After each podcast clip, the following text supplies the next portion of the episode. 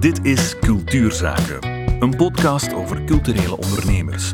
Over projecten vol passie en creativiteit. Hoe ze leefbaar worden en leefbaar blijven. Laat je inspireren door verhalen die van cultuur een zaak maken.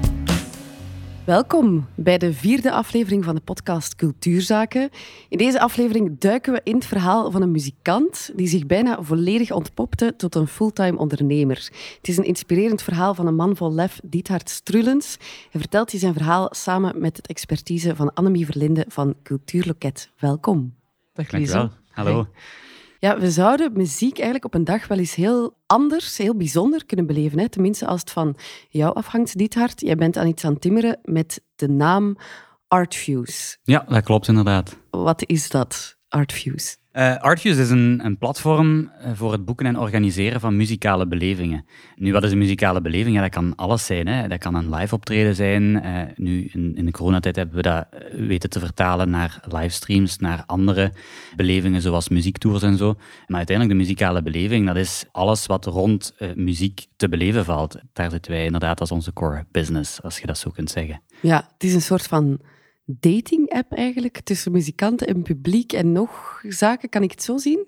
Ja, als iemand over een dating-app begint, ja, dat heeft dan meteen uh, een bepaalde uh, connotatie, maar het is absoluut wel matching. Hè, waar, waarbij datingplatforms uh, het geval is, dat is absoluut bij ons ook zo. Nu, het is technologie in ontwikkeling, hè, dat wil ik wel vooropstellen. En we zijn hard aan de weg aan het timmeren om die matching op punt te stellen. Maar uiteindelijk is het vraag en aanbod bij elkaar koppelen. Het is talent en opportuniteit bij ja. elkaar koppelen. En dat kan op verschillende manieren. Dat kan zijn dat een, een, band of een muziekgroep nog een muzikant zoekt die ze nodig hebben voor een, een project en dan eigenlijk via ons die persoon kunnen vinden. Maar het kan even goed zijn een, een, een project waar muziek voor nodig is, hè, een, een eventplanner of een organizer die dan via ons platform het juiste talent vindt, of een ja. supplier. Hè. Um, ik kijk nu ook bijvoorbeeld naar Cultuurloket, als iemand uh, ondersteuning nodig heeft, ja, dan zou dat via ons platform, hè, we willen daar dan ook uh, de juiste ondersteuning in, in bieden, dat ze bij de juiste personen terechtkomen uiteindelijk. Ja, het gaat eigenlijk om het, het, bundelen van wat er al op dit moment is. En waar wij nu heel mm -hmm. druk mee bezig zijn, is eigenlijk het in kaart brengen van die creatieve sector. Met een focus op muziek natuurlijk. Hè. Dus ja. je kunt zeggen de muzieksector als geheel. En daar zitten heel veel partijen uh, in die op dit moment elkaar niet zien of mm -hmm. elkaars bestaan niet kennen. En dat is dan de bedoeling om, om te zorgen dat als er expertise is, bijvoorbeeld bij een cultuurloket, dat dat bij de juiste personen geweten is. Mm -hmm. en, en, dat daar ook die kennis doorgesluist kan worden. Het gaat om kennis delen, het gaat om uh, talent delen en uiteindelijk als gemeenschappelijk goed verder komen. Um, ik denk dat de relevantie ook uh, alleen maar is toegenomen in een tijd van crisis. Hè. We, hebben, we hebben toch wel gigantische slagen, lotslagen gezien in de sector met de gevolgen van dien. En dat geeft ons eigenlijk ook extra wind in de zeilen om, uh, om vooruit te gaan en te zorgen dat de sector ook weerbaar en wendbaar is ja. in, in verschillende opzichten. Ja, je bent echt vertrokken vanuit je eigen muzikale drijfveer, hè? want je bent zelf muzikant. Hoe is dat gelopen? In Amerika zeggen ze wel eens scratch your own itch. Hè. Um, uiteindelijk is het de problemen die ik zelf als muzikant, als muziekstudent in het verleden ben tegengekomen, die ben ik vandaag de dag aan het oplossen.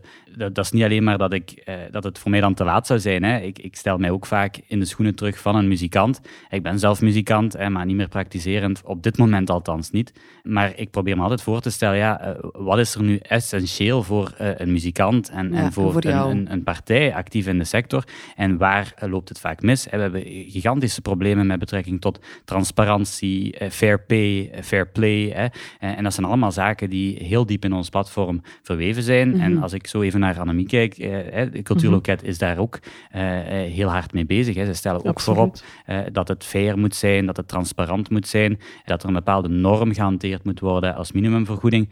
En dat zijn wel grote problemen die dagdagelijks niet afnemen in, in, onze beleving. En daarom dat we daar ook gewoon duidelijkheid in, in, willen bieden. En daar is technologie een hele mooie factor in. Hè. Technologie kan vergroten, kan versterken. En dus ja, we zijn blij dat we in deze tijd leven om, om dat ook te kunnen aanpakken. Ja, ja. om het mogelijk te maken. Ja. Ja, en je uh, werkt ook met artificial intelligence. Ja, dat is. Uh, kijk, uiteindelijk is dat ook in vele opzichten een buzzword, tenzij dat het iets betekent. Hè. En wij gaan geen artificial intelligence of AI inzetten als dat niet nodig is. Maar voor ons is dat wel een uitgelezen technologie En dat is niet één technologie, dat is, dat is meer een, een, een werkwijze of een opzet om eigenlijk de processen die verbeterd kunnen worden ook te kunnen schalen, te automatiseren en uiteindelijk informatie bij de juiste personen te krijgen die daar mm een voordeel uit kunnen halen.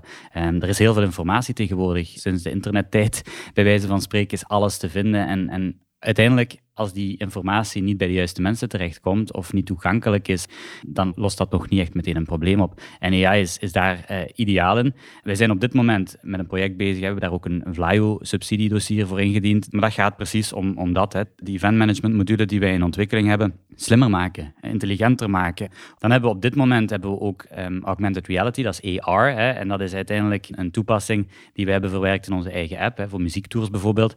Uh, dat is een hele mooie technologie waar je eigenlijk een in ons geval een statisch beeld kan matchen met een bewegend beeld. En dan eigenlijk uh, ja, muziektours kan ontwikkelen uh, in de publieke ruimte of in een park, waar dan eigenlijk dat statisch beeld tot leven komt en een muziekvideo kan zijn ah. of iets dergelijks. En we zijn daar nu mee aan het experimenteren geweest. Sinds kerst hebben we een campagne gedaan en Valentijn. Maar er zijn ook veel mogelijkheden mee om dat te doen. Ehm, je moet je niet verliezen in uh, puur de technologie, maar als je die kunt inzetten om iets van verbetering of iets van een, een nieuw product te lanceren, dat dan ook weer artiesten en, en andere partijen helpt, ja, dat is, dat is goud waard. Zoiets, ja. Het klinkt bijna surrealistisch als je dat zegt. Dat er een, eh, een of andere iets ontpopt uit je gsm en dan... Ja, uiteindelijk. Ik denk dat iedereen zich nog herinnert, en dat is misschien wat generatiegebonden, maar hè, die hele hype rond Pokémon Go bijvoorbeeld, dat was ook AR, hè, augmented reality, waar uiteindelijk ja, poppetjes uh, op het scherm in de fysieke ruimte uh, zichtbaar werden. En hè, zoveel anders is onze technologie niet. Hè. We gaan natuurlijk niet een Pokémon Go uh, spel op de markt brengen, maar je kan daar enorm veel, veel mee, mee gaan doen. Mm -hmm. hetzelfde, we zijn nu in gesprek met een beeldentuin, waar dan de artiest op het scherm, op de, op de mobiele telefoon, eigenlijk achter dat, dat standbeeld of achter het kunstwerk tevoorschijn komt en kan gaan vertellen hoe hij dat heeft gedaan. Dat is dan niet meteen muziek, hè, maar dat zijn toepassingen die, die enorm veel potentieel tonen. Uh, je hebt mogelijkheden voor hybride uh, vormen van uh, concerten, optredens. Dat staat nog in de kinderschoenen, hè, als je het mij vraagt. Ja. Au fond ben jij eigenlijk een muzikant en dan heb jij je getransformeerd bijna naar een ondernemer nu. Hoe is dat eigenlijk gelopen? Ja, als je puur kijkt naar mezelf als muzikant, dan ben ik eigenlijk ontspoord. Hè. Um, hè, want uh, je, zit, je zit op dat parcours van, uh, in, in mijn geval, klassieke muziek. Uh, dat wordt dan ook in, in het onderwijssysteem vaak gezegd, hè, die, die piramide, hè, dat is een piramide en de, de top is heel dun. Hè. Mm -hmm. daar heeft maar plaats voor, bij wijze van één cellist. Goed, al ontwikkelend merk je dat dat niet zo is en dat er plaats is. Hè. Je kunt je specialiseren, je kunt bepaalde unieke stappen zetten en dan, dan kun je evengoed die piramide bewijzen, als die al bestaat, die piramide uh, opklimmen en echt wel iets gaan doen.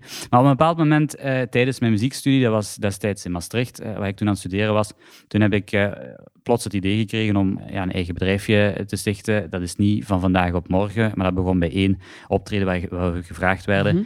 En die man die, uh, ja, die, was een advocaat en die had voor zijn personeel een, een feestje.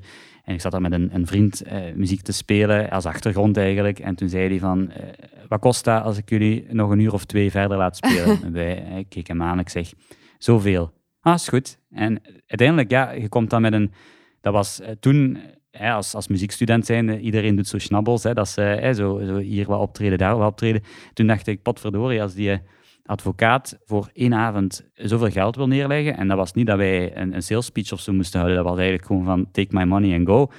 Toen dacht ik, ja, daar kunnen we wat mee doen. En toen is eigenlijk eh, ja, een muziekbedrijf geworden, hè, muziekproductie. We deden live eh, optredens. Maar dat is vrij snel gegroeid van één initiatief naar toch wel een, een, concertagenda van meerdere optredens per week. Vooral bij bedrijven. We zijn flashmobs gaan doen. En dat heeft mij eigenlijk doen inzien van, ja, oké, noem ik mezelf dan meteen ondernemer. Ik vind dat uh, zo stigmatisch of dogmatisch. Hè. Je bent een ondernemer of je bent geen ondernemer. Maar die ondernemendheid is aangewakkerd. En ja, ben ik dan ontspoord, wel of niet? Ja, ergens wel, want ik ben me daarmee bezig gaan houden. Maar dat heeft voor mij een enorme nieuwe wereld geopend, die uiteindelijk ook van muziek maken naar ondernemen in de muziek en dan uiteindelijk naar een technologiebedrijf uitbouwen. Mijn persoonlijke uh, zicht erop is schaal. Op welke schaal kun je het mhm. verschil maken? En als, als muzikant dat is, fantastisch. Ik heb heel veel vrienden, dat zijn topmuzikanten en die maken absoluut het verschil elke dag dat ze een instrument uh, vastpakken of muziek maken. Maar voor mij merkte ik op dat moment, ja, ik ben in de, waarschijnlijk in de wieg gelegd om iets anders te doen en eigenlijk ook ja, mij meer faciliterend op te stellen om net die talenten mogelijkheden te geven. Ja. Dat is uiteindelijk wel het doel. Niet alleen voor mij, maar voor iedereen. Ja, en toen je hiermee begon, had je dan al een bepaald uh, expertise of ben je dat echt moeten gaan opzoeken van hoe ga ik in godsnaam hieraan beginnen? Um, ik ben dat heel actief gaan opzoeken en aldoende leert men. En dat is mijn uh, manier. Hè. Ik, ik, ben iemand, ik, zie mezelf eigenlijk meer als een generalist dan een specialist. Maar als ik me ergens in ga verdiepen, dan kom ik wel een heel eind. En ik verdiep mij vaak via boeken, uh, natuurlijk dingen opzoeken uh, op internet. Maar het allerbelangrijkste is je omringen door mensen die het beter weten op dat vlak. Mm -hmm. En dus als ja, slimme mensen om je heen hebben, dat helpt enorm. En mensen die welwillend zijn om te helpen. Mm -hmm. En iedereen staat op schouders van anderen. Hè. Ja. Uh, dus dat geluk heb ik zeker gehad.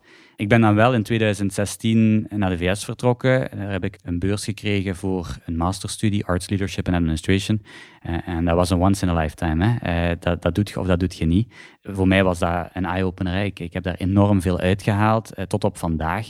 Ik heb daar mensen ontmoet waar ik nog steeds mee in contact sta, die mij ook, ook helpen, of die ons helpen met Artviews. Dus dat is goud waard geweest. Dat is niet alleen maar kennis, maar dat is ook gewoon hulp, hè. Ja. guidance en zo verder. Dus absoluut, ik blijf elke dag leren. En dat is het mooie van dit parcours ook. Hè. Ja, zeker. En je zegt ook van, uh, je kan dan aankloppen bij mensen met kennis, zoals Cultuurloket, denk ik dan. Dan zijn jullie wegen elkaar gekruist? We hebben elkaar al ontmoet uh, via Cultuurloket. Ja, ja, ja absoluut. En uh, ik denk dat ik een keer ben gaan aankloppen. Ik had dan het geluk om Annemie uh, te leren kennen. En ja, we zijn eigenlijk via gesprekken gewoon ook, ook dichter bij elkaar gekomen. En ook gemerkt dat er raakvlakken zijn op vlak van waar mijn missie of de missie van Artviews ligt. En waar Cultuurloket in, in wil gaan ondersteunen. Ja. En ik heb ook, zeker in het begin, hè, want ik, ik kwam toen uit de VS. Ik heb eerder nooit een, een bedrijf gehad in België. Wel in Nederland hè, destijds en, en in de VS projecten gedaan. Maar dan kom je naar België en dan is natuurlijk, als je actief bent in de creatieve sector en je weet het allemaal nog niet zo goed, is zo'n partij super. dat is, um, ik kan dat ook alleen maar aanbevelen als je zoekende bent. Je hoeft zelfs geen ondernemer, hè, en dat, dat, zeg ik in aanhalingstekens, te zijn. Maar als jij een ondernemende ziel bent, ja, dan alsjeblieft ga naar, naar Cultuurloket. Dat is een beetje mm -hmm. hè, pun intended. Hè, maar, zeker, maar uiteindelijk zeker, uh, uh, absoluut uh, een, een partij waar je alleen maar uit kunt winnen. En mm -hmm. dat is voor mij ook wel van waarde geweest. Nu staan we verder. Hè. Nu zijn we meer structureel ook aan het kijken hoe we elkaar kunnen helpen om uiteindelijk het einddoel, wat hetzelfde is, hè, de cultuur te stimuleren en artiesten en, en spelers in de sector uh, ja, structureel te helpen om, uh, ja, om hen te ondersteunen gewoon. Hè. Ook uh, bij die dingen die misschien niet tot hun core business zitten. Hè. Het, het, het uh, creatieve, mm -hmm. of het culturele, of het, of het maken en het uitvoeren, maar ook al die andere dingen die erbij komen mm -hmm. kijken. De administratieve, uh, hoe financier ik mijn project, hoe pak ik dat hier aan? En dan is het toch wel handig dat je ergens terecht kan waar het kennis is over die sector over, of over die deelsector, want ja. cultuur is enorm breed, hè, maar dat kan muziek zijn, dat kan beeldende kunst zijn, dat zijn allemaal verschillende dingen waar toch uh, eigenheden en gevoeligheden in zitten. En dan is het wel handig dat iemand u begrijpt aan de overkant van de tafel, ja. die met jouw verhaal een beetje kan volgen en u de, de richting, of verschillende richtingen kan tonen. Ja. Het is niet alleen maar kennis, hè, maar het is ook netwerk. Mm -hmm. hè. En, ja. en, ik wil dat ook benadrukken. Voor mij is netwerk heel belangrijk. Dat is niet kunnen zeggen dat je iemand kent, maar dat is effectief bij de juiste mensen terechtkomen op het juiste moment. En om een voorbeeld te noemen, ik weet niet wanneer dat was, een, een aantal, ja, toch alweer een, geleden, een maand of, of twee geleden, ah, ja. uh, dat wij nog eens contact hadden. Ja. Um, en toen heeft Annemie mij, mij met twee mensen in contact gezet. En dat heeft klopt. echt wel bergen doen verzetten. Dus allee, dat, is, dat is maar om te laten zien hoe belangrijk het is om goed plugged in te zijn ja. uh, en, en, Mhm. en de juiste mensen te kennen. En is dat een deel geluk? Ja, uh, maar een deel is dat ook gewoon je kop laten zien en, Mhm. en, en, en vraag durven te stellen. En ehm, ben je ook op die manier op zoek gegaan naar financiering? Van, uh, heb je aangeklopt van, hé hey, Alamie, hoe moet ik dit doen? Ik kan me vergissen, maar ik denk niet dat dat de focus was van, van ons contact tot nu toe. Natuurlijk komt dat ter sprake en die financieringsvraag, dat is, een hele, dat is een hele andere. En zeker als je een start-up bent in de sector, ja, er is een enorm spanningsveld tussen de muzieksector of de creatieve sector en het landschap van investeringen.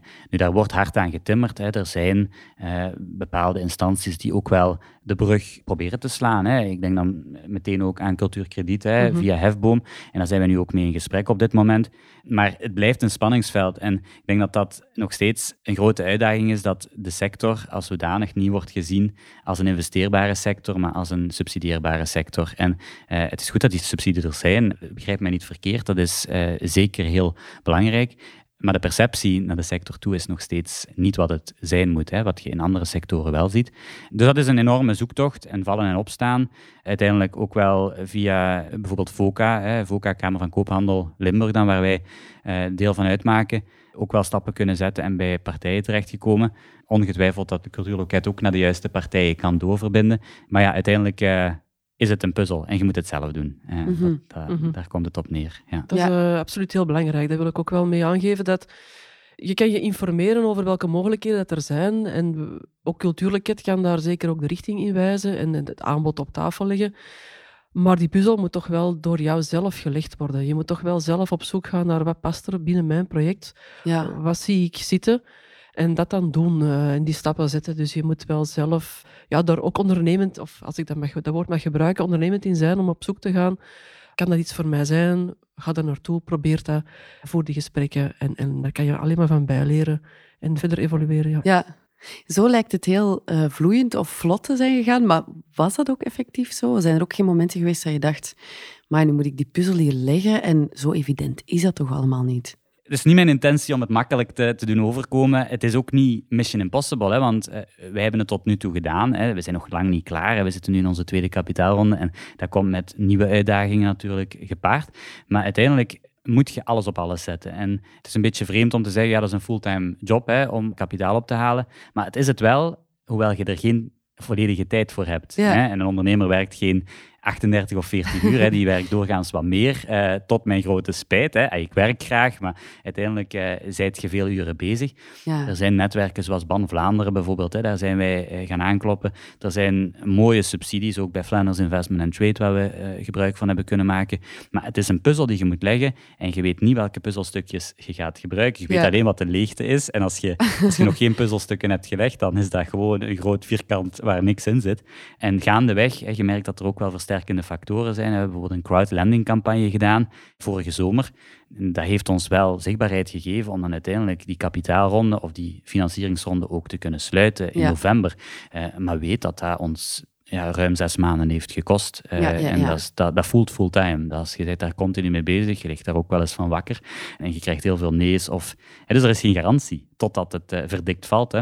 Ja. ja. Ja, Maar ik vind het wel ongelooflijk straf hoe je het hier vertelt. En eh, ja, je hebt je daarin vastgebeten. Dus je, hebt daar, je blijft aanhouden eigenlijk tot het er staat. Maar zijn er dingen tijdens die zoektocht waar, waar je uit geleerd hebt? Of waar je op gebotst bent dat je zou kunnen ja, als tip geven aan anderen die in hetzelfde stramien zitten? Ja, het is een, een, een continu leerproces. Hè. Dus ik, hè, where do I start? um, er is heel veel te leren en uh, er zijn heel veel dingen die je, als je die één keer hebt gedaan, anders zou doen. Nu, dat wil niet meteen zeggen dat ik spijt heb van iets, maar als ik één tip kan geven, of één leerles die ik eruit heb getrokken, is je moet het juiste geld weten te vinden. Ja. Er wordt wel eens gezegd, hè, geld is niet goed of niet kwaad. Hè. Eh, een euro, daar staat geen, geen naam op of, of dat heeft, heeft niet echt een waarde. Maar uiteindelijk, dat wat je erbij krijgt, dat kan positief en negatief uitpakken. En dus als je de verkeerde financier, of dat nu een kredietverstrekker is of een private investeerder, aantrekt om een project mee te begeleiden, dan moet je eigenlijk wel drie keer nadenken. En dat is puur buikgevoel. Gaat het ons op lange termijn vooruit helpen of gaat het ons nekken? Ik ga nu niet meteen uitspraken doen, hè, specifiek hoe dat voor ons is uitgepakt, maar dat is gemengde gevoelens. En dat heeft er vooral mee te maken, de dynamiek verandert ook gewoon zodra je meerdere partijen erbij krijgt. Hè. Mhm. Zolang dat je er alleen voor staat, eh, dat heeft zijn nadeel dat je niet het kapitaal hebt en niet het gewicht hebt. Eén keer dat er mensen aan boord komen, dan wordt het, het financiële, hè, de rapportering, maar ook gewoon hè, richting break-even, dat wordt eigenlijk mm de issue. En ik denk het grote probleem, zonder dan super kritisch te worden, is dat eh, financiële instellingen voornamelijk kijken naar geld als doel mhm. en dat creatieve projecten heel vaak geld als middel zien. En dat is een groot spanningsveld. Hè. Die spagaat die zit tussen, tussen die twee verschillende sectoren, ehm, is gigantisch groot. En zeker als je geld begint op te halen. Ik praat heel graag over missie, visie, waar we naartoe willen. Hè. Maar uiteindelijk is voor mij, en dat zal altijd zo zijn, is geld een middel. Ja. En dat moet ingezet worden om meer impact te hebben en meer mensen te kunnen helpen. Mm Dat is superbelangrijk, hè, wat je aanhaalt. Inderdaad, een bank, de core business van een bank is geld. Hè. Uh, geld van spaarders, maar ook geld geven om geld te lenen. En ze moeten daar voorzichtig mee omgaan. En ze is vooral op zoek naar veiligheid. Hè, van als we dat geld gaan geven voor een krediet, gaan we dat dan wel zeker terugkrijgen voor die spaarder die zijn geld daar ook heeft uh, gezet en dat ervoor gebruikt wordt. Het is een belangrijk onderdeel van financiering om te begrijpen welke financier zoek ik en wat verwacht die financier. Mm Ga ik met een bank in zee of ga ik op zoek naar een investeerder? die investeerder kijkt er misschien weer anders tegenaan. Hè? Zoals ja. uh, die daar zegt, die kijkt naar rendement, return on investment, die wil daar ook een, een voordeel uithalen. Maar ik zou het toch willen verzachten in zekere zin, omdat denk ook een bank of een financier ze zijn allemaal wel geïnteresseerd in hun onderneming en het is in ieders voordeel dat dat goed loopt mhm. en dat dat positief verloopt. De accenten liggen uiteraard anders en mijn bank zal echt kijken naar, oké, wat zijn mijn waarborgen hier, hoe ga ik dat geld terugkrijgen? Maar die wil ook vooral weten dat je een goede ondernemer bent en dat je je goed omringt en, en dat je echt achter je project staat en dat je ervoor wil gaan. Absoluut. En uh, bedankt ook om dat, om dat aan te vullen of te, te specificeren. Ik denk ook vooral um, als start-up zijn en misschien verdient dan nog net iets meer uh, verklaring.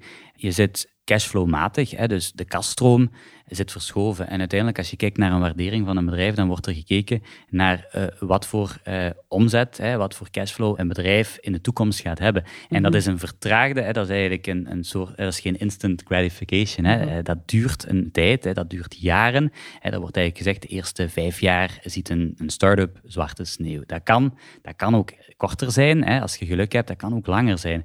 En de start-ups die wij tegenwoordig kennen, hè, die geen start-ups meer zijn eigenlijk in, in, in essentie, die hebben er vaak veel langer over gedaan. Hè. Dat break-even point, dat, dat komt veel later dan men hoopt. Dus uiteindelijk moet daar naar gekeken worden. En dus hoe een bank dan, en, en vaak binnen creatieve projecten zegt een bank al snel, dat is mij toch wat riskant. En, zeker, hè, om, Maar bij een start-up in de mhm. creatieve sector, waar wij dan in zitten, dan heb je dus eigenlijk al...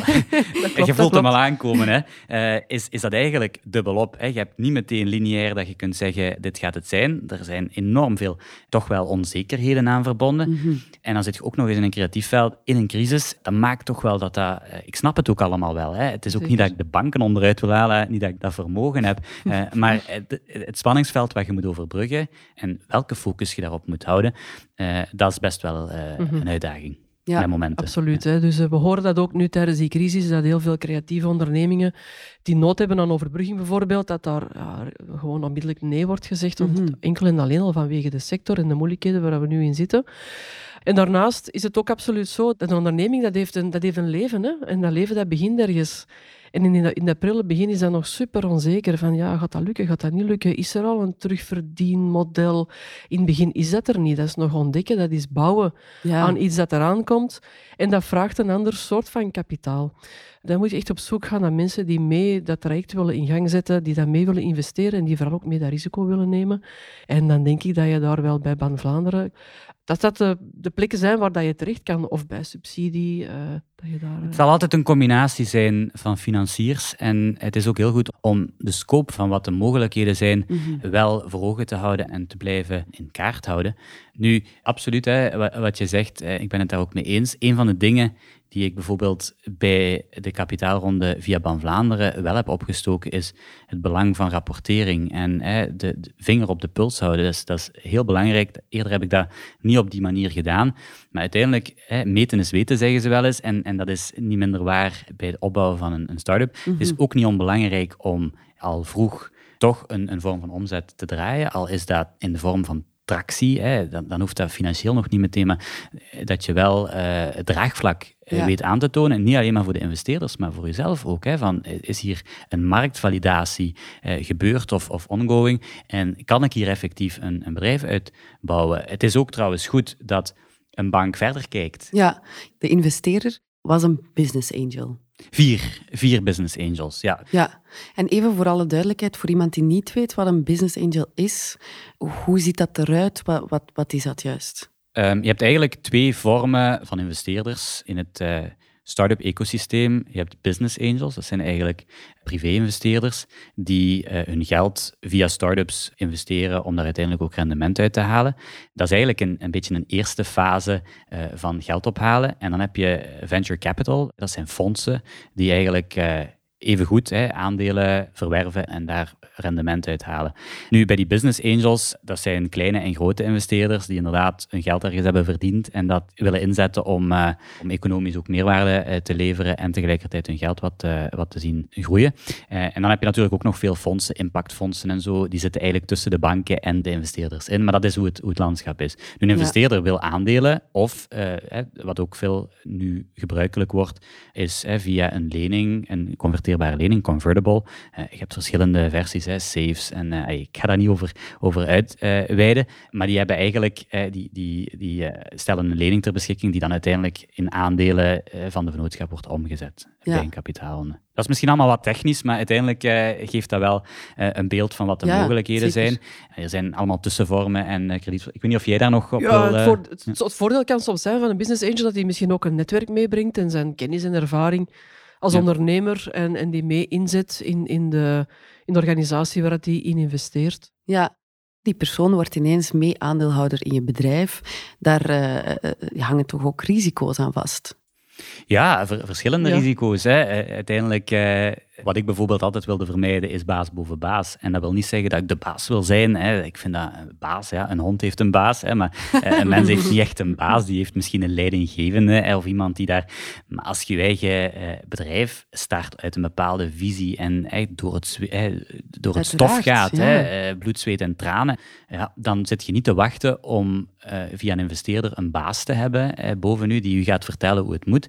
En mhm. vooral als dat dan ook nog een baas is die de sector niet kent of die de doelstellingen niet begrijpt. dus dat is een risico wat daar zeker mee verbonden is. En dat heb je minder met een kredietverstrekker, hoewel daar ook nog wel eens wat dingen in gebeuren. Een bank of een fonds, omdat die vaak via een lening gaan. Eh, je hebt verschillende tussenvormen, maar als je een lening afsluit, dat is gewoon terug te betalen. Dus uiteindelijk, strategie is belangrijk, maar dat is niet dat je iemand op de raad van bestuur hebt, de, ja. de board, zeg maar. Ehm, dat is bij business angels vaak wel het geval. Hè een business angel, dat, dat is, er zijn zo van die cowboy-verhalen, dus dat een, dat een business angel ook een business devil kan worden. En ik denk dat wat Diethard daar heeft aangehaald, kies goed uw financier. Voel aan, zit hij mee op dezelfde golflengte? Is die missie-visie duidelijk voor jou, maar ook voor uw investeerder? En, en laat u goed omringen door, door anderen, zodanig dat die business angel dat dat wel een positief verhaal wordt voor je, voor je onderneming en dat dat inderdaad geen business devil wordt. Wanneer wordt dat een business devil? Als die niet mee is met het verhaal, er vroeger uitstapt, zijn rendement zo snel mogelijk wil halen, je onderneming in een richting duwt waar dat je het aanvankelijk misschien niet had bedoeld. Maar dat zijn natuurlijk worst case eh, verhalen, denk ik. En ik, ik vermoed dat als je vooraf goede gesprekken hebt, dat dat belangrijk is en dat je aan de juiste mensen je vraag gaat stellen, zoals Ban Vlaanderen bijvoorbeeld. Mhm. Het is ook niet dat een, een hè, we hebben het over engelen, hè, business angels, en dan, mhm. dan vind ik de term devil ook wel van toepassing. Het is ook niet zwart-wit, maar uiteindelijk in elke relatie heb je bepaalde dynamieken. Mhm. En het is belangrijk om die voor uh, het contract, hè, dat is dan bij een termsheet of een aandeelhoudersovereenkomst, om na te gaan welke richting dat uitgaat. Maar je kunt niet 100% weten voordat je begint samen te werken, nee. echt, hoe dingen gaan. En, hè, Zoals in een heeft... echte relatie eigenlijk. Zoals in een echte relatie. Kijk, ik heb nu bijna negen jaar een relatie. Ik ben daar enorm dankbaar om. Eh, maar je weet, voordat je een relatie begint, weet je niet alles. En uh, dat kan in zijn voordeel en zijn nadeel spelen net zoals dat, en ik vind dat een hele mooie metafoor ook om dit aan te geven, je gaat een relatie met iemand aan, niet met één iemand in ons geval, maar met vier mm. eh, of met vijf individuen. ja, een reuze relatie zelfs. het, is, het is vrij bilateraal. Hè? Het is eigenlijk de investeerders en het is, uh, het is niet echt als ondernemer uh, aan de andere kant.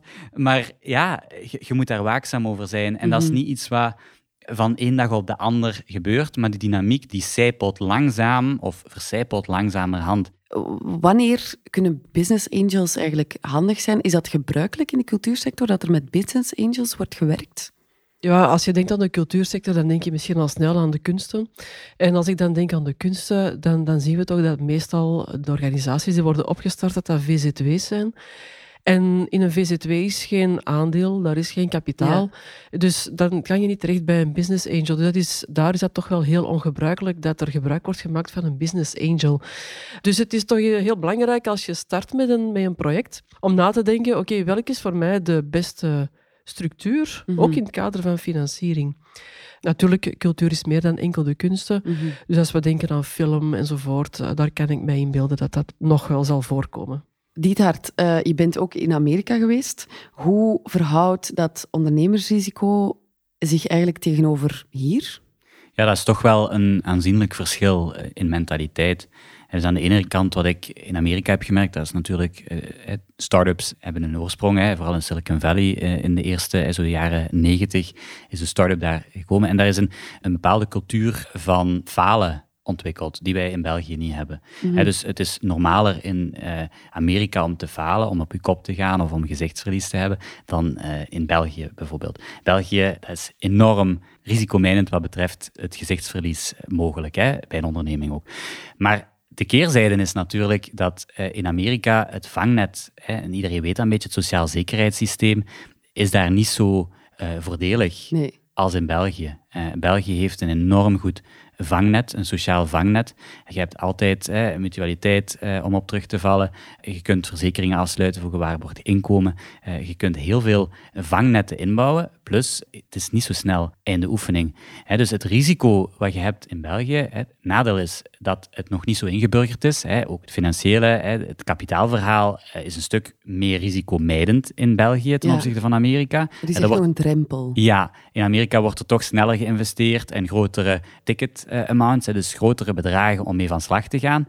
Maar de keerzijde is natuurlijk absoluut dat er geen vangnet is. En er zijn spookverhalen van mensen die inderdaad het niet meer inzien, die werkloos raken, zelfs uh, dakloos raken, omdat ze bepaalde investeringen hebben gedaan in een mhm. start-up die uiteindelijk uh, blijken niet zich terug te betalen.